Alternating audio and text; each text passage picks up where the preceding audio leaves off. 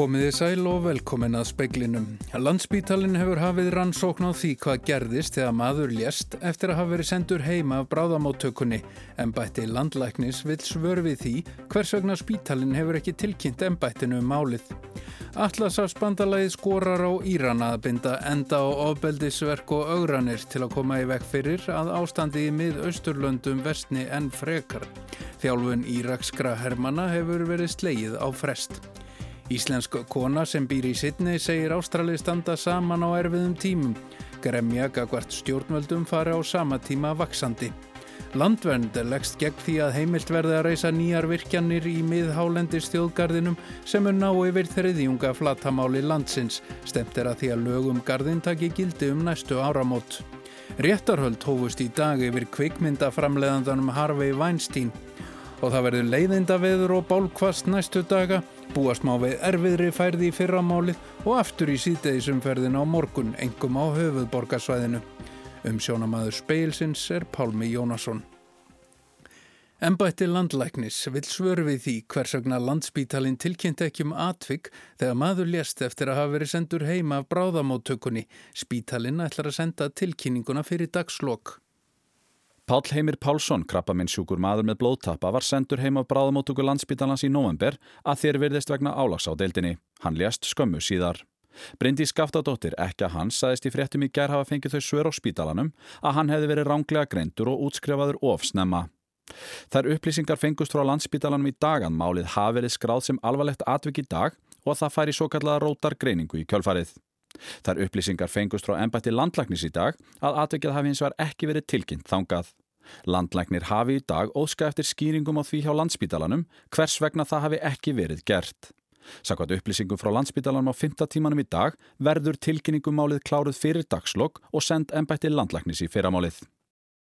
Jóhann Bjarni Kolbensson sæði frá.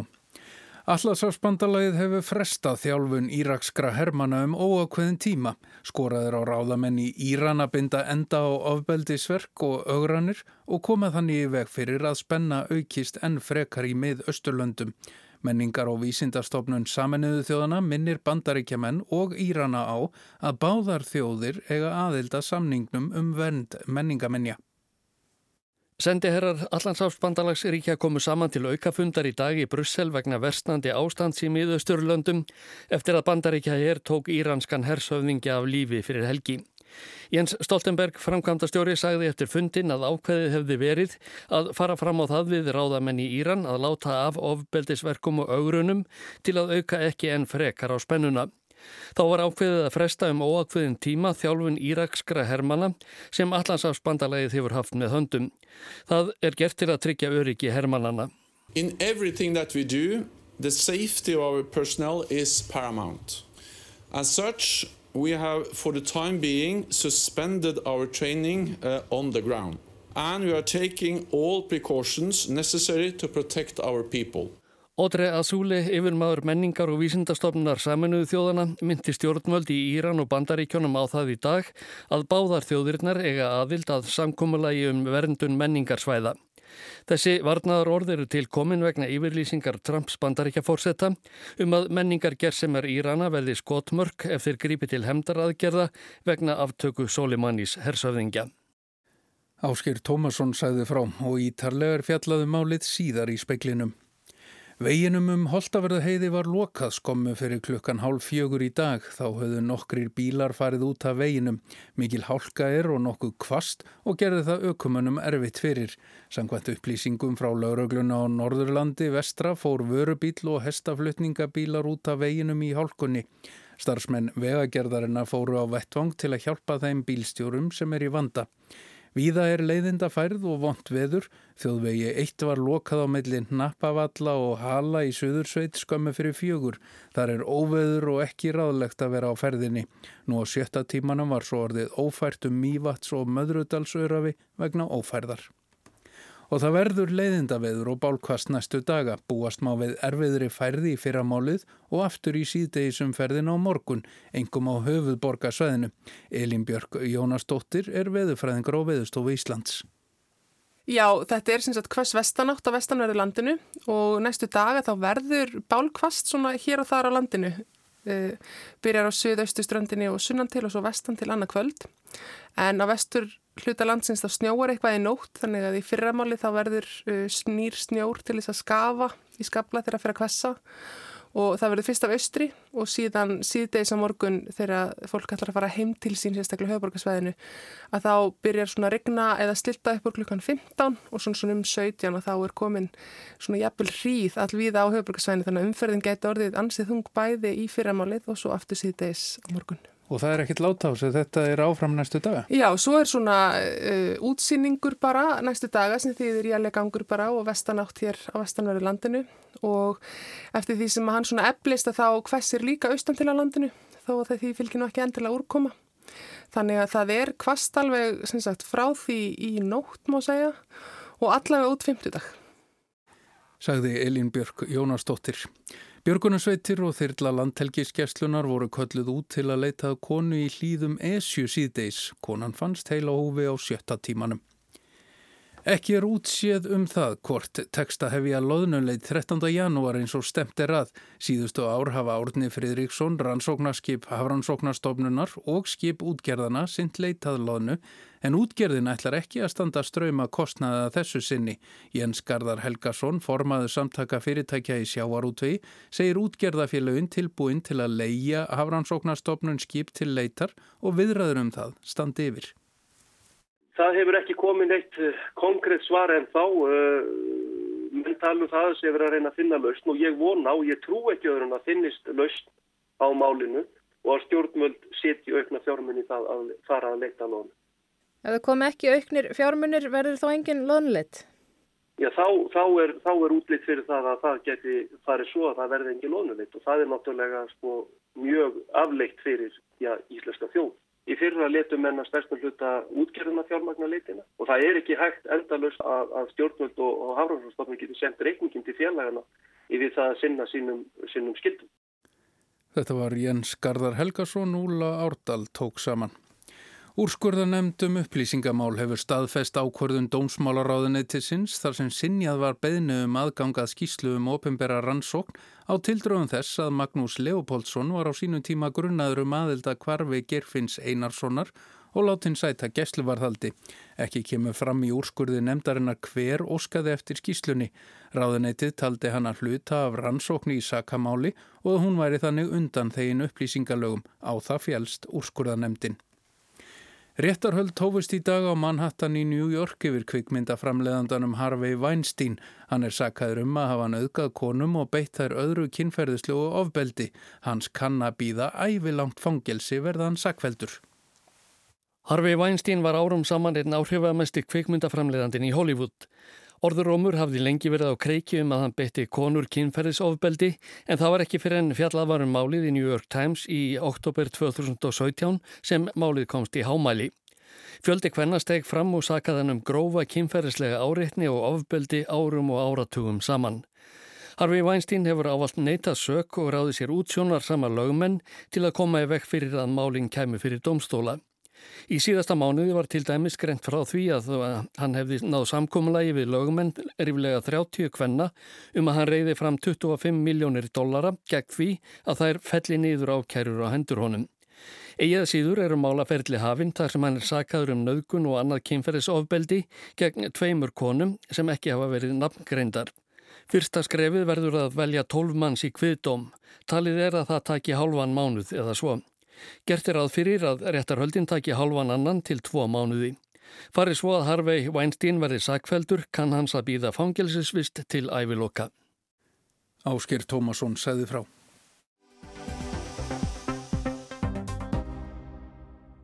Íslensk kona sem býr í Sidney segir ástralistanda saman á erfiðum tíma gremja gagvart stjórnvöldum fara á sama tíma vaksandi. Skóareldarnir í Ástralíu náðu miklum hæðum um helgina en í dag ringdi.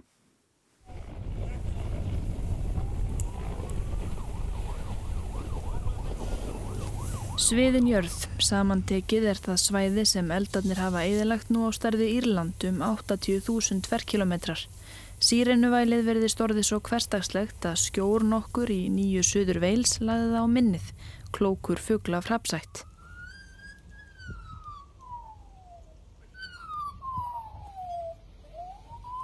Eldarnir eru fordæma lausir og hafa aldrei verið jafn snemma á ferðinni. Margrét Jóna Þórrinsdóttir hefur búið í Sidney um tíu ár. Næstu eldar eru nú í um 100 kílometra fjarlæð frá heimileginar og fjölskyldennar í suðuluta borgarinnar. Þau keiftu húsið í fyrra og seint á síðasta ári stóðu frammi fyrir þeim möguleika að það gæti brunnið til grunna. Eldarnir voru þá í fjögura kílometra fjarlæð. Heiminin varð appelsínugulur og sírennur vældu allt í kring. Og þá þurftu við að vera bara búin að pakka neyri bíl og vera í viðbröðstöðu ef að kalli kæma við þurftum að flýja. Þannig að það var ekki mikið svo við þánóttina. Margret er þakklátt slökkulismönunum sem stóðu vörðum byggðina.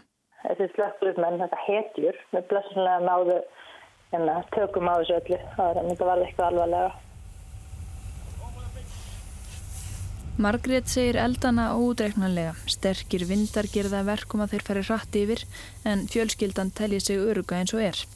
Í dag ringdi á þeim svæðum sem orðið hafa verst úti og kólnaði í veðri. Appelsínuguli bjarminn kvarf og himinin varð gráleitur. Viðbrasaðalar nýttu tækifæri til þess að koma vistum til svæða sem hafa orðið í lóti. Í morgun komst björgunarlið að 300 manna hópi sem hefur verið inni króaður á hraðbröyti í vesturluta landsins frá því á jóladag. Regnir kemur sér vel en markar ekki kaplaskill. Stjórnvöld telja ekki útlut fyrir að það verði láta á eldunum næstu vikur eða mánuði. Sumarið er rétt að byrja. Næstu daga á að hittna aftur og þá verður hættu því að tveir stórir eldar, annar í Viktorjufylki og hinn í Nýja Suður Veils, mætist og myndi samfelt eldhaf þvert á fylgjamörkin. Eldarnir hafa tekið sinn toll, að minnstakosti 24 eru látin og tvekir saknað. Tæplega 2000 heimili hafa brunni til grunna, um hálfur miljardur dýra hefur drepist. Síðustu daga hafa hátt í 200.000 manns þurft að yfirgefa heimili sín. Það er líka viðbúið að hörmungarnar hafi áhrif á geðheilsuna.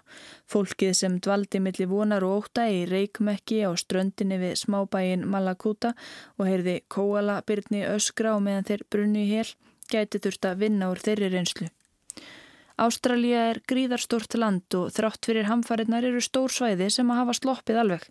Reykurinn er að vísu farin að valda mengun í bæði höfuborginni Canberra og í Melbourne. Margret segir að þrátt fyrir að eldarnir séu staðbundir hafið þeir ekki látið neitt ósnortin. Lífið gengur svona, svona vanagang en það eru allir með hugan við þetta.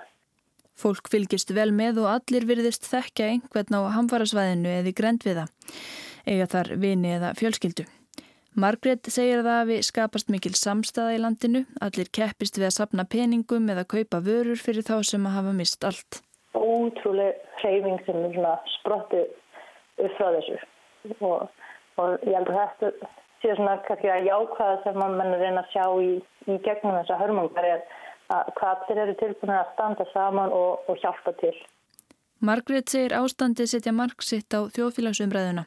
Upp á síðkastið hafi farið að bera á aukinni gremju, gagvart stjórnvöldum í landinu og Scott Morrison fórsætisræðara þá sérstaklega. Hann hafi verið sett til að bregðast við ástandinu. Og svo var náttúrulega verið að gaggrina mikið fyrir að stjórn hafi ekki gert betri rástafinir. Þegar svona allt virtið spenda til að þetta er alveg rosalega þurft sumar og búið að vera mjög þurft ár og eldhættan væri mikil. Hún segir að Morrison þykja hafa komið ítla fyrir í heimsóknum til bástadra á hamfarasvæðum. Hann láti eins og gróðureldarnir nú séu ekkit ólíkir þeim sem brotist hafa úti í landinu á síðustu árum. Þá vilja hann ekki endur skoða stefnu ríkisins í loslasmálum. Hann var rauninni bara að gera lítið úr þessu. Það segja við já, já, við hefum alltaf verið með skóarelda. Við, við þurfum bara komist í gegnum þetta og, og já, var eiginlega ekkert að gera sig grein fyrir hversu alveglegt þetta að enda kannski bara var þetta slæmt svo rosalega satt og, og nú erum við bara í, í rauninni aðstæðum sem bara enginn hefur upplifað áður. Um helgina sendi Morrison 3000 hermenn á vettvang til að aðstóða viðbrasaðila, dreifa mat, vatni og eldsneiti til einangrara svæða, koma á rafmagni og meta tjóna völdum eldana. Hernaðaraðgerðin er svo stærsta sem ráðist hefur verið í á síðustu árum. Stjórnvöld sendu líka sérhæft teimi heilbriðistarsmanna sem að hinga til yfir einungis aðstóða á erlendri grund til þess að sinna fólki sem lent hefur í eldunum. Þá hafa stjórnvöld horfið frá áformum um að reka ríkið með tekjuafgangi þetta árið. Fjármagninu verður þessi stað varið til þess að berjastu eldana og byggja upp brotna innviði. Stjórnvöld hafa sett á fót uppbyggingarsjóð og láta renni hann 2 miljardar ástralíudala. Margret segir að það muni um þáttöku hersins í aðgerðinu. Það hefur verið mikið hjálp verið svera við að bæði ná fólki að þessum hættisvæðum og verið þá að nota herskip og annað til að gera það og, og þyrlur og eins við að hjálpa uh, fólki sem hefur núna mist allt við að setja upp skíli fyrir þau og, og annað slíkt en svo höfum við bara að sjá hvað, hvað annað þau geta verið að gera í rauninni. Heitasti tímin er framundan. Margrét á erfitt með að sjá fyrir sér hvernig samfélagi tekst á við það logi eldarnir áfram vikum eða mánuðum saman. Ég veit ekki hvernig fólk sem er á þessum hættusvæðum getur bara að lifa með því að einn daginn munir þessi eldar bara vera nánast bara við, við dittna hjá þeim. Ég get ekki sé hvernig þessir slökkulismenn sem að flestir eru sjálfvölu, hvernig þeir ætla bara að halda áfram að, að vinna baki brotna og reyna að koma tökum á þessu. Hún segir ljóst að eitthvað þurfa breytast en að það sé erfitt að ná tökum á vandanum því raun hafi náttúran völdin. Arnildur Haldónadóttir tók saman.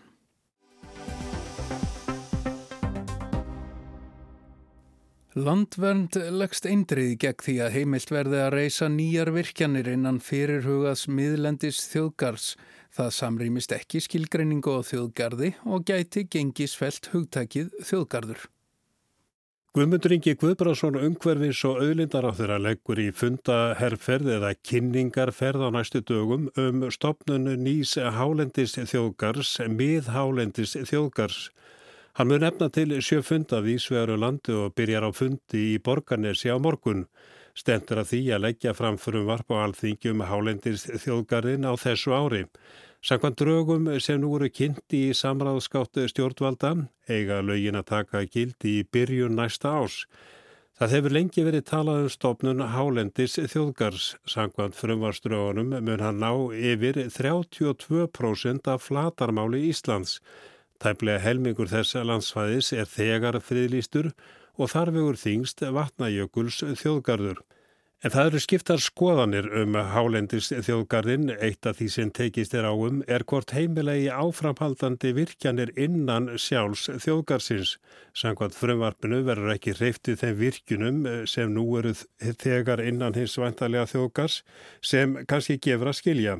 Hins verður hveð á um það í frumvarströgunum að heimilt verði eða heimilt verða taka til skoðunar að byggja nýjar virkjanir en þó aðeins þær virkjanir sem skilgreindar eru í orkunýtingaflokki og byggflokki þriðja áfanga rammáallunar sem reyndar hefur genn verið samþygtur á alþingi.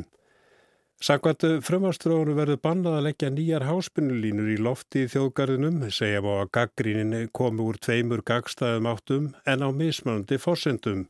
Í áramóta písli Guðna Jóhannessonar orkumálastjóra er vara við að þrengt verða virkjanakostum Hann segir að starfsemi auðlindaráðniti sinns viðis gang út á að reysa markvaldar gattavírsgirðingar í kringum framtegakosti til virkjunar bæði jarðið og vassfallan.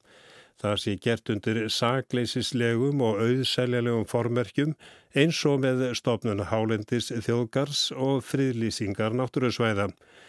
Hins vegar er vandlega sneitt hjá því að meta áhrif þess á orkuöryggi, atunlíf, hagvastar möguleika okkar til lengri tíma, framla okkar til lofslagsvætnar raforkuvinnslu og svo mætti lengi telja, segir Guðni í pistunum. Landvend stiður stopnunum íðhálendis þjóðgars en gaggrínir og leggst gegn því að heimilt verða virkja innan hans. Það er bara ekki í samræmi við skilgreiningar á þjóðgarðum segir auður önnu Magnúsardóttir, framkvæmastjóri landvendar. Þjóðgarðar eru þannig með sér skilgreindir í náttúruvendarlögum hjá okkur að það á ekki að fara í stjóra framkvæmdir innan þjóðgarða nema þeir það samræmist markmiðum þjóðgarstins og orkuvinnsla innan þjóðgars samræmist ekki vendarmarkmiðum. Landvernd segir í umsögnum frumvarpum miðhálendins þjóðgarð að óskinsalegt sé að virkjanir sem fyrir eru séu innan þjóðgarsins svo skipan geti gengisfelt hugdæki þjóðgarður. Samtökin leggja til að virkjanir eða yðnaður innan fyrirhugas þjóðgars verði skilgrendur sem jaðarsvæði þjóðgarsins þar sem gæta þurfu mikillar varfærni í starfsemi svo hún hafi ekki neikvað áhrif á þjóðgarðin. Það er engin góð lausn á þessu að það eru nú þegar fyrirvirkjanir þannig eh, sem að verða þá innan þjóðgars. Við leggjum til að, að draga mjög þröngar ringi utanum virkjanirnar og, og meðlunarlónin uh, og skilgruna það sem jáðarsvæði þjóðgarsins þannig að, að uh, þau þurfa að lúta á hvernig stýringu frá þjóðgarðinu áfram.